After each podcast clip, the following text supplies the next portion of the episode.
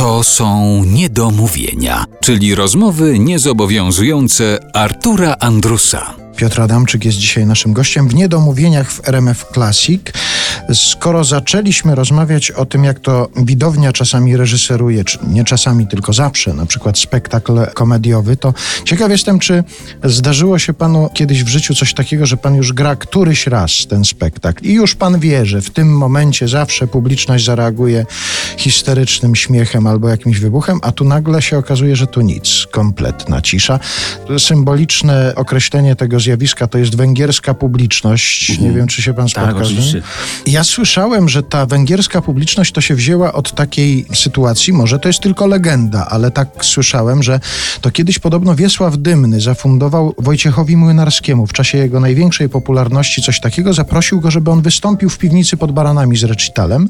I się okazało, że wycieczkę Węgrów przyprowadzili naprawdę tam. Autokar Węgrów przyjechał, którzy zwiedzali Kraków, widownię. wypełnili widownię i Wojciech Młynarski podobno strasznie to przeżywał, nie wiedząc, że tam są Węgrzy i dlaczego oni nie reagują na jego piosenki. Zdarzają się takie sytuacje, że z nienacka nie ma nic, kompletnie żadnej reakcji. Z- zdarzają się. I najczęściej są to spektakle. Czasami bywa tak, że są spektakle wykupione w prezencie. Na przykład pamiętam, jakaś firma farmaceutyczna e, zasponsorowała spektakl dla psychiatrów, którzy e, byli zainteresowani kupnem jakiegoś leku. W każdym razie ta firma dbała o to, żeby byli zainteresowani. I była cała widownia psychiatrów. I to było przedziwne, bo mam wrażenie, że mimo, że graliśmy komedię Goldoniego i właśnie już znaliśmy dokładnie wszystkie momenty histerycznych wybuchów śmiechu, które mają się zdarzyć, to nagle zaczęliśmy być oceniani, która postać ma jaką chorobę psychiczną chyba, bo widownia była gorzej niż węgierska, powiem panu szczerze. I wyszliście już zdiagnozowani po tym Myślę, że spektaklu. tak. Więc jest coś takiego, że ta widownia reaguje wtedy, kiedy jest różna. Często nawet jak się ogląda komedię i właściwie to chce zachęcić do tego, że państwo się wybrali na komedię Mayday w kinach. E, Z Adasiem Woronowiczem, z Weroniką Książkiewicz, Anią Dereszowską, Andrzejem Grabowskim. Mayday to jest zresztą taki tytuł niezwykle znany farsy teatralnej. Grana wciąż w kilkunastu teatrach e, w Polsce i myślę, że po premierze naszej kinowej będzie jeszcze, że tak powiem, częściej grana, bo ta nasza kinowa wersja bardzo odbiega od y, teatralnego pierwowzoru.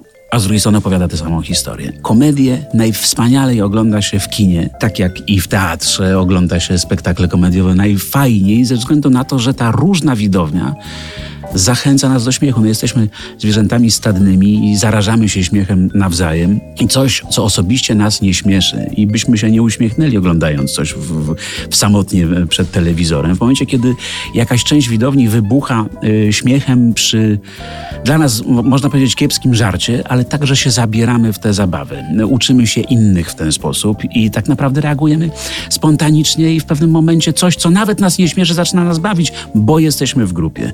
I szczególnie na komedię lubię chodzić incognito, żeby obejrzeć właśnie z taką zwykłą, biletowaną widownią, żeby zrozumieć, co działa, a co nie i wyciągnąć wnioski na przyszłość, jeżeli dostanę jakąś komedię, że tak powiem, do zagrania w przyszłości, a Mayday 2 pewnie się będzie szykował. No to ja tylko ciekaw jestem, jak pan chodzi do kina incognito na, na filmy, w których pan gra. No tak, że, że kaptur na głowie, jakaś czapka, czy wchodzi pan w czasie reklam, żeby już było ciemno i żeby nikt nie, nie zauważył, że pan Wchodzę w chodzi? Reklam, czapka, kaptur też.